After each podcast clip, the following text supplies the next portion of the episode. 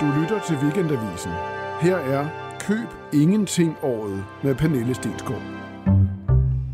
Her er mit barnebarn. Lulu. Ej, hold kæft, hvor er hun sød. Prøv at se dit but skuldre der. Ej, et skeptisk blik på verden. Jeg synes simpelthen, hun er så sød. Velkommen til Køb Ingenting året. Jeg hedder Pernille Stensgaard. Jeg er journalist på Weekendavisen. Og jeg har besluttet mig for ikke at købe ting og sager i hele 2020. Fordi jeg er blevet meget nervøs over den her klimakrise, og jeg vil gerne selv gøre noget ved det. Der er altså et, der er så nuttet. Det her. Bliver taget i at pille næse. Altså, jeg har fanget min kollega Anna Råby Ravn herude på gangen for at tvinge hende til at se mit barnebarn. Øh, Fordi Anna selv er gravid, og så synes jeg, at hun må være vildt interesseret i alle babyer. Ej, så fokuserer øjnene næsten, hva'? Ja, ja. Kan hun se nu, hvordan er det? Ja, det synes jeg, hun kan. Altså, øhm, hun kan faktisk sådan virkelig ligge og kigge på en eller anden vis måde ud i rummet.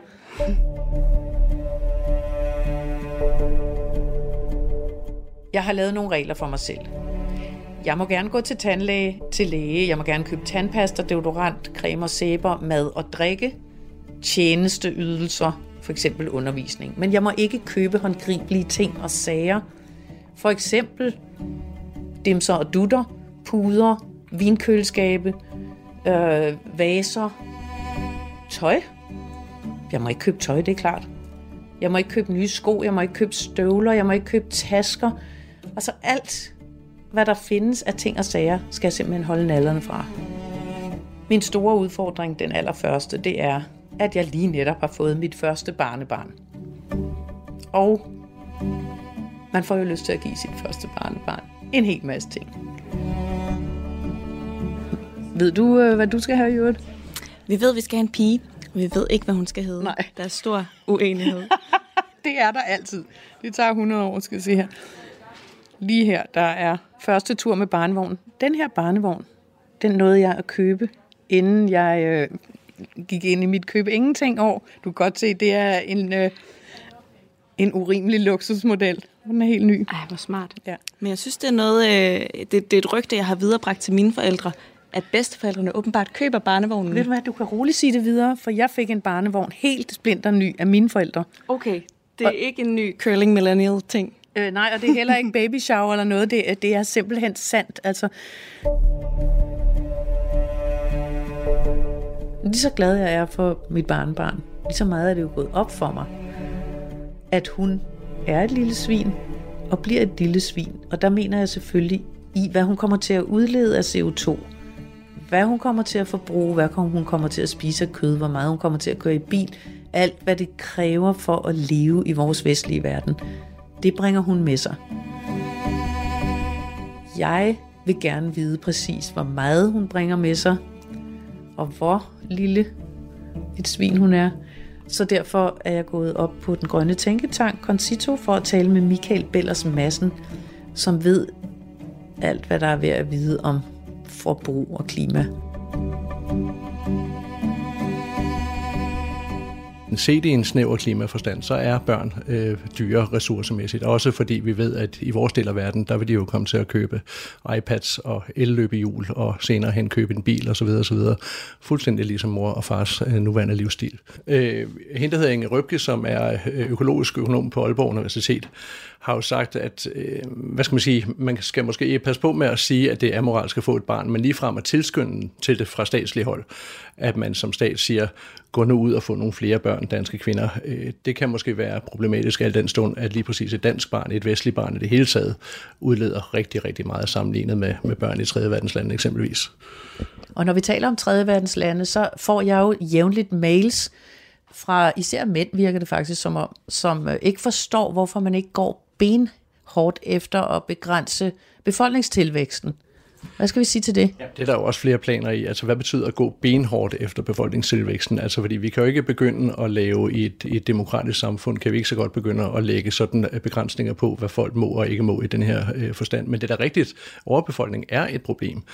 Altså tager man, tager man øh, nu er vi i øjeblikket 7,5 milliard, og øh, ud fra, øh, hvad skal man sige, det tal har vi måske en rimelig chance nu for at holde os under de her to grader, som FN sætter op som vores, vores øh, maks max stigning for at, og, og, hvad skal man sige, klare klimaudfordringen. Rammer vi de 11 milliarder, øh, hvad FN stipulerer, at vi vil nå i, i slutningen af det 2100, så bliver det altså rigtig, rigtig svært at nå to graders målsætningen, for ikke at tale om halvanden grad. Men Øh, samtidig så kan det ikke kun være en diskussion om overbefolkning. Det handler også om, om vores forbrug i den rige del af verden. Så det er en både og, og ikke enten eller. Skal jeg se, jeg har nemlig nogle ret fantastiske tal her, som viser, at USA udleder 18 procent af alt CO2, men udgør kun 5 procent af verdens befolkning, mens hele Afrika udleder 4 procent, men udgør 16 procent af verdens befolkning. Ja, men samtidig så kan vi jo også se, at, at antallet af middelklasseborgere stiger jo sådan set over hele verden. Altså vi er i øjeblikket sådan omkring 2-2,5 milliarder middelklasseborgere i verden, og det tal vil stige til 5, 6, 7 øh, milliarder frem mod år 2100. Så mange af de øh, børn, vi nu snakker om, som bliver født i de kommende år, både i Afrika og i Asien, de bliver rigere og kommer ind i middelklassen og vil som sådan også forbruge. Og det er også en af grundene til, at vi skal have fokus på det her med, med overbefolkning.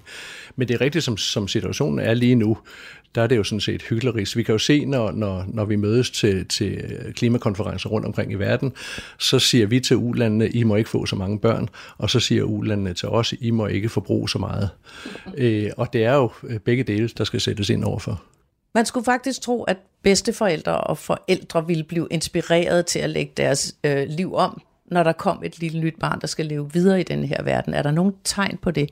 Nej, vi kan faktisk slet ikke se det, altså at forbruget går ned. Vi kan se det øh, i retorikken, at, at mange mennesker begynder at snakke om, at, at det her med at få børn gør dem mere øh, ansvarsbevidste og, og tænke på det barns fremtidsmuligheder og livsmuligheder osv. Vi kan også se, at bedsteforældre siger det samme, men vi kan faktisk ikke se det i deres øh, faktiske handlinger. Vi kan se, at, at vi flyver mere og mere, og det gør bedsteforældrene også. Øh, måske tager bedsteforældrene ovenikøbet det lille nye barn med til Florida eller Bali øh, for at, at øh, hvad skal man sige, glæde barnet. Så vi kan ikke se, at det ressourcemæssigt går ned, så det er sådan mere på det retoriske plan indtil videre i hvert fald. Nu er jeg i Babysam. En øh, ret stor forretning fyldt med ting, man kan købe til øh, babyer. Og jeg ser rækker af barnevogne, klapvogne, flyverdragter, sutter – sutteflasker, tøj, sko. Der er mange mødre med små børn i barnevogne. Og øh, jeg kan også se, at der er et ammerum nede ved siden af toilettet, så det er kundegruppen. Så er der også øh, selvfølgelig nogle mormødre, som er med deres døtre. Jeg tror, jeg kan se en mand, men ellers er det kvinder, og de er nok på barsel. Og de kommer kørende ind med deres meget fine barnevogne. Hvad er det her? Det er sutter. hvor er der mange sutter.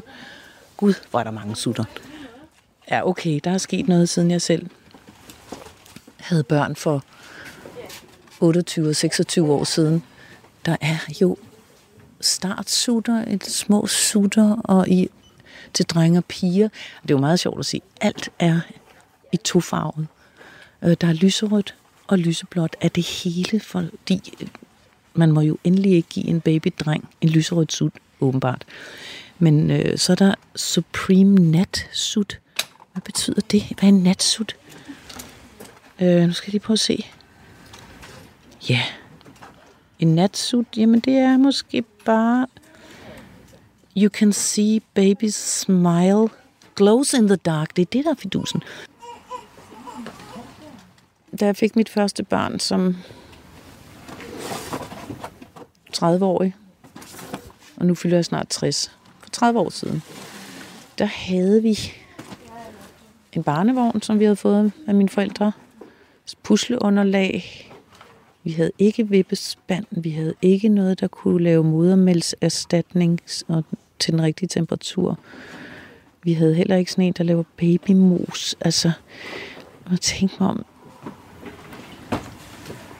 jeg synes slet ikke, vi havde noget af alt det her. Men det er klart, vi havde selvfølgelig sutter. Og vi havde tøj. Og vi havde den her barnevogn. Og vi fik en faktisk sådan en brugt Juno-seng af en eller anden. Jeg kan ikke huske det. Nu står jeg i barnevognsafdelingen, øh, men jeg har jo faktisk købt en barnevogn til dem, eller betalt den.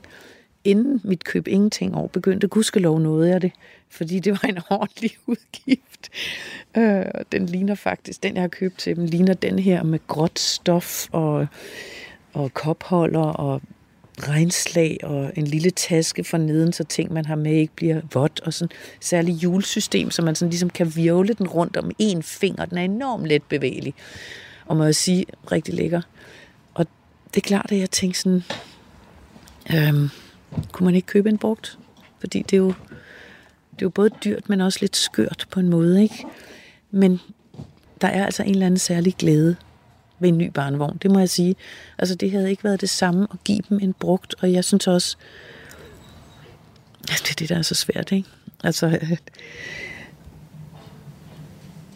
det er et udtryk for større kærlighed, ligesom når man kommer med en, en splinter ny, og de bare kan vælge, hvad de vil. Jeg sagde bare, I, I tager bare, hvad de vil, så det var deres egen. Altså, de måtte ligesom stoppe sig selv i udgifterne.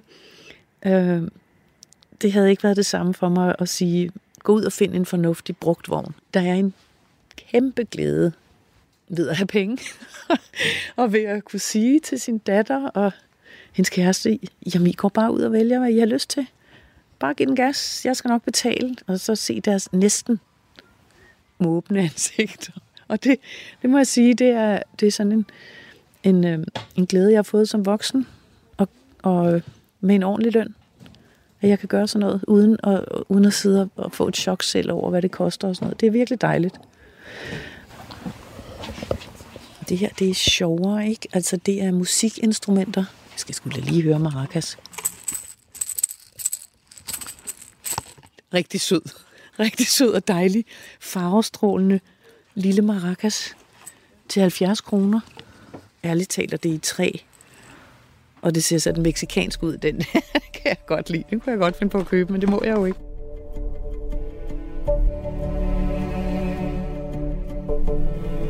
Nu har jeg simpelthen søgt en anden rådgiver, der kan fortælle mig noget om, hvad jeg kan gøre i stedet for. Hvad kan jeg overhovedet komme med? Hvad kan jeg give, når det ikke skal være ting? Jeg hedder Trine Bådsgaard, og jeg arbejder med min blog, der hedder Nøjsom. Øh, og i den forbindelse har jeg skrevet to bøger. Øh, en, der hedder Nøjsom, og en anden, der kom for et par år siden, der hedder 52 uger uden overforbrug. Og så vil jeg selvfølgelig spørge dig, hvorfor blev du nøjsom? Jamen, jeg tror egentlig, jeg altid har været nøjsom, øh, men i en periode glemte jeg det. Øh, da jeg sådan var ung og fremadstormende, og økonomien bullede af, der... Øh, ja, kom jeg til at bruge alt for mange penge, synes jeg. Og øh, jeg kom ind i sådan et, en, en dårlig øh, øh, rytme, hvor jeg brugte alt for mange penge, og alligevel ikke synes, jeg blev gladere af det. Og på den måde begyndte jeg ligesom at se, om kunne man gøre det på en anden måde. Og så fandt jeg ud af, at jeg havde faktisk rigtig mange ting i min, hvad kan man sige, rygsæk, i forhold til den måde, jeg opdraget på, at øh, der var rigtig mange ting, som jeg egentlig ikke havde behov for, og så begyndte jeg at kigge på det og skrive om det. Det er jo skønt, fordi jeg har jo tænkt dig, mig at bruge dig som en form for vejleder og gudmor i det her, som mit køb ingenting år, som sikkert kan blive ret svært. Uh, ikke fordi jeg faktisk ikke super shopper eller noget, men man er bare vant til at købe ting, og mit første udfordring, det er det her. Hvordan forener jeg mit køb ingenting år med mit første barnebarn? Ja, altså jeg synes jo altid, at man skal prøve at se på øh, de her store begivenheder i vores øh, liv, som et bryllup eller et barn eller nogle ting. Der, der er vi ligesom blevet, øh, hvad kan man sige, skolet til, at det fører også en masse forbrug med sig. Så det første er måske at tænke over, hvad er det egentlig, man, man gerne vil, vil give det her barn? Øh, er det en masse øh, forbrugsting, eller er det måske øh, nogle holdninger, noget nærvær, noget samvær? Øh, eller er det måske noget, der har en historie, som du allerede har derhjemme? Øh, så ligesom øh, dreje den rundt på og se på, hvad vil du egentlig øh, gerne putte i det her barnebarn? Ja, fordi ja, det er som om, at der til et barn, nyfødt barn i Danmark, hører sådan helt automatisk forbrugsopskruning, mm. som jeg egentlig også tror er blevet værre, siden jeg selv fik mine børn for 25 og 28 år siden. Jeg ved ikke, om du også har lagt mærke til det, om, om børneforbrug. Nej, det er et forkert ord. om der er et forbrug, der automatisk hænger sammen med børnene. Jamen det tror jeg, der er, fordi der er jo mange, der, og det var jeg jo også selv, man er jo usikker, når man er ny mor, og, og man vil jo gerne gøre det så godt som overhovedet muligt for det her lille væsen, der kommer til, til verden.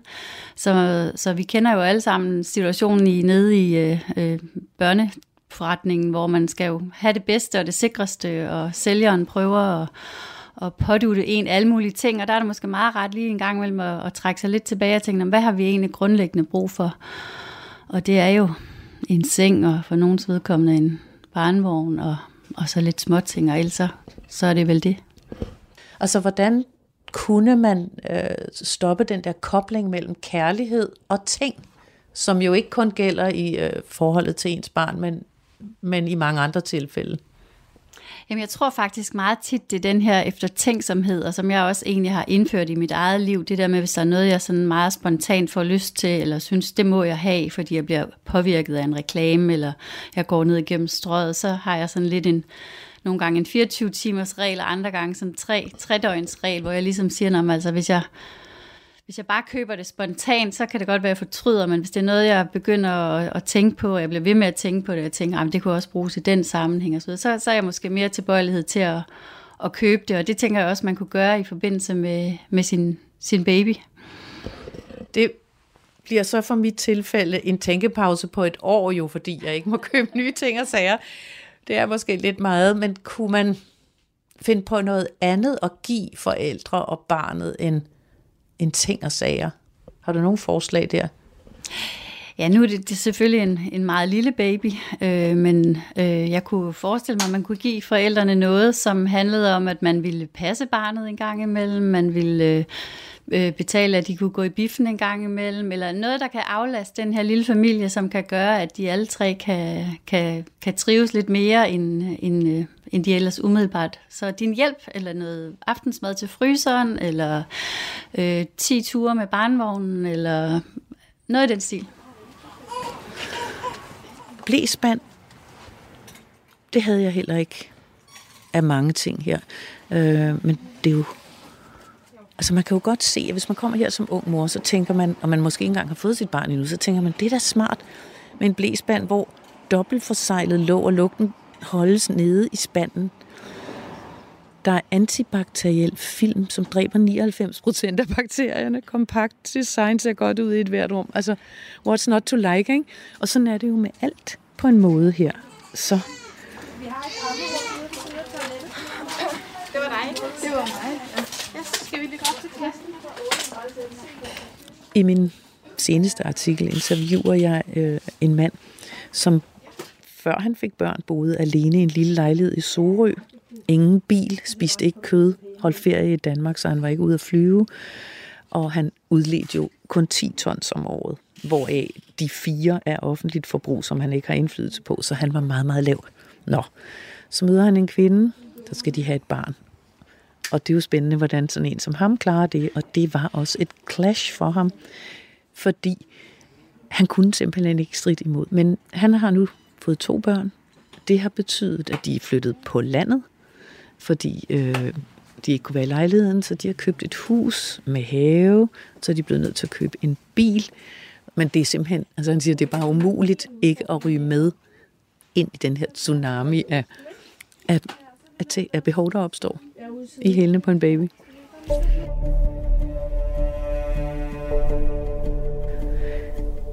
Måske ville det aller mest effektive være overhovedet ikke at få børn.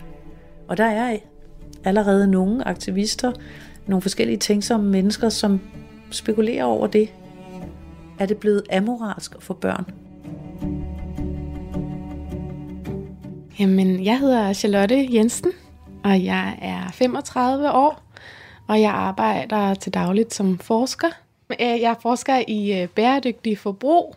Charlotte, er det din forskningsbaggrund, der har gjort, at du har taget den her beslutning om ikke at få børn?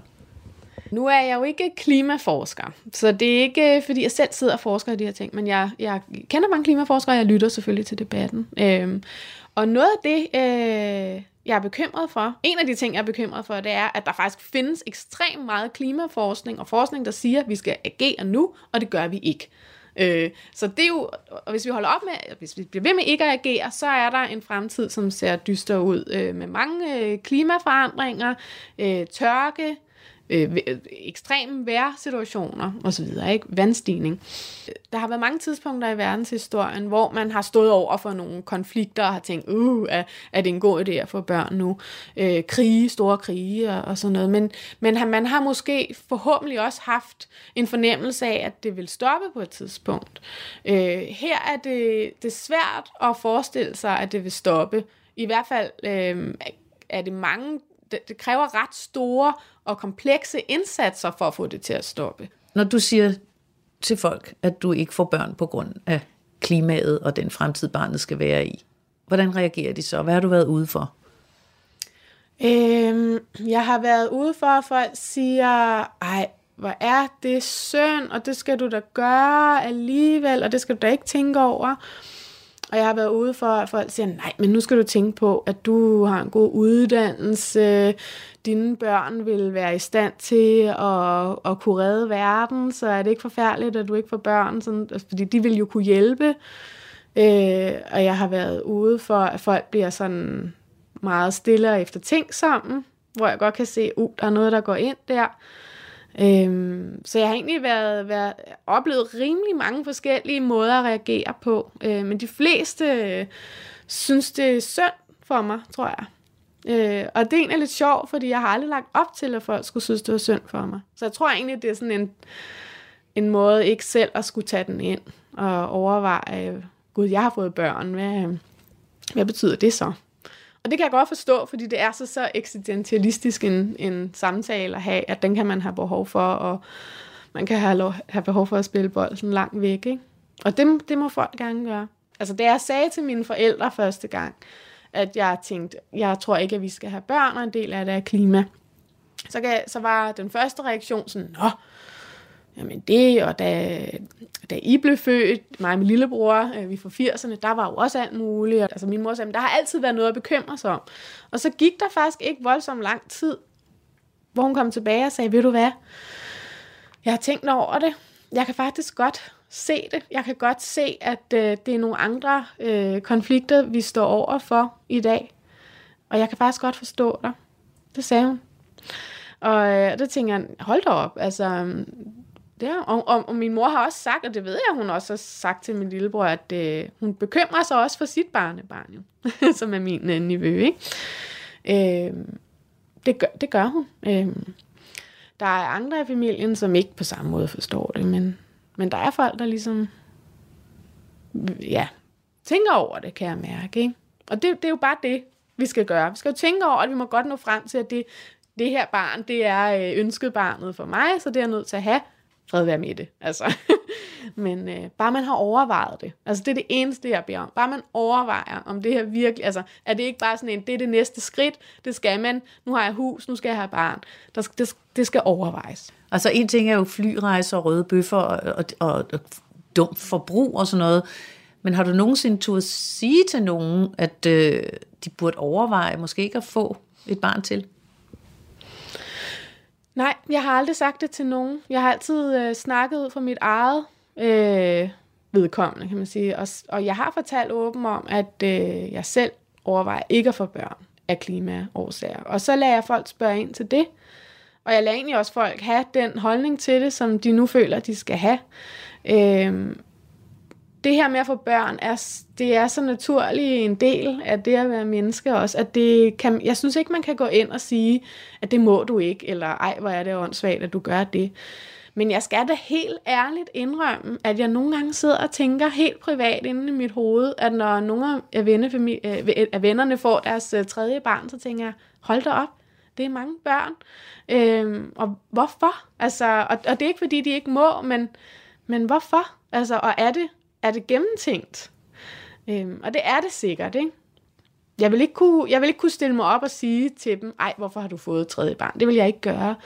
Det, det, er ikke, altså, det, det skal jeg ikke gøre. Men jeg, men jeg tænker det ind i.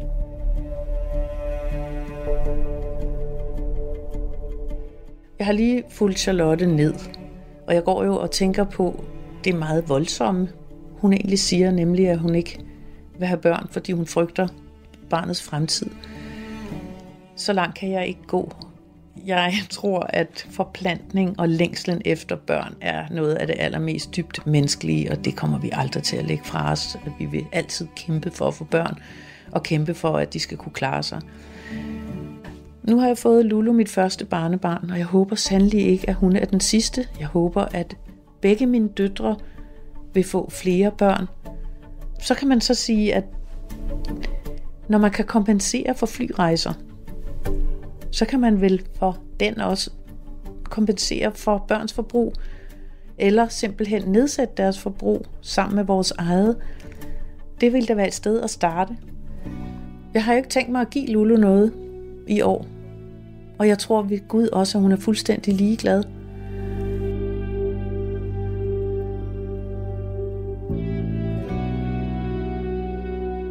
Du har lyttet til Køb Ingentingsåret.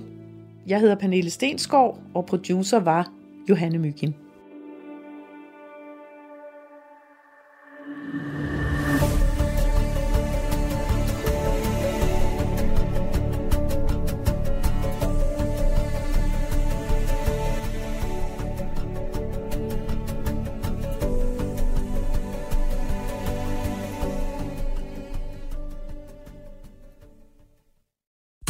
Podcasten er sponsoreret af Maxus, som netop er lanceret i Danmark med 100% elektriske biler med moderne teknologi og højt udstyrsniveau. Find din forhandler på maxus-danmark.dk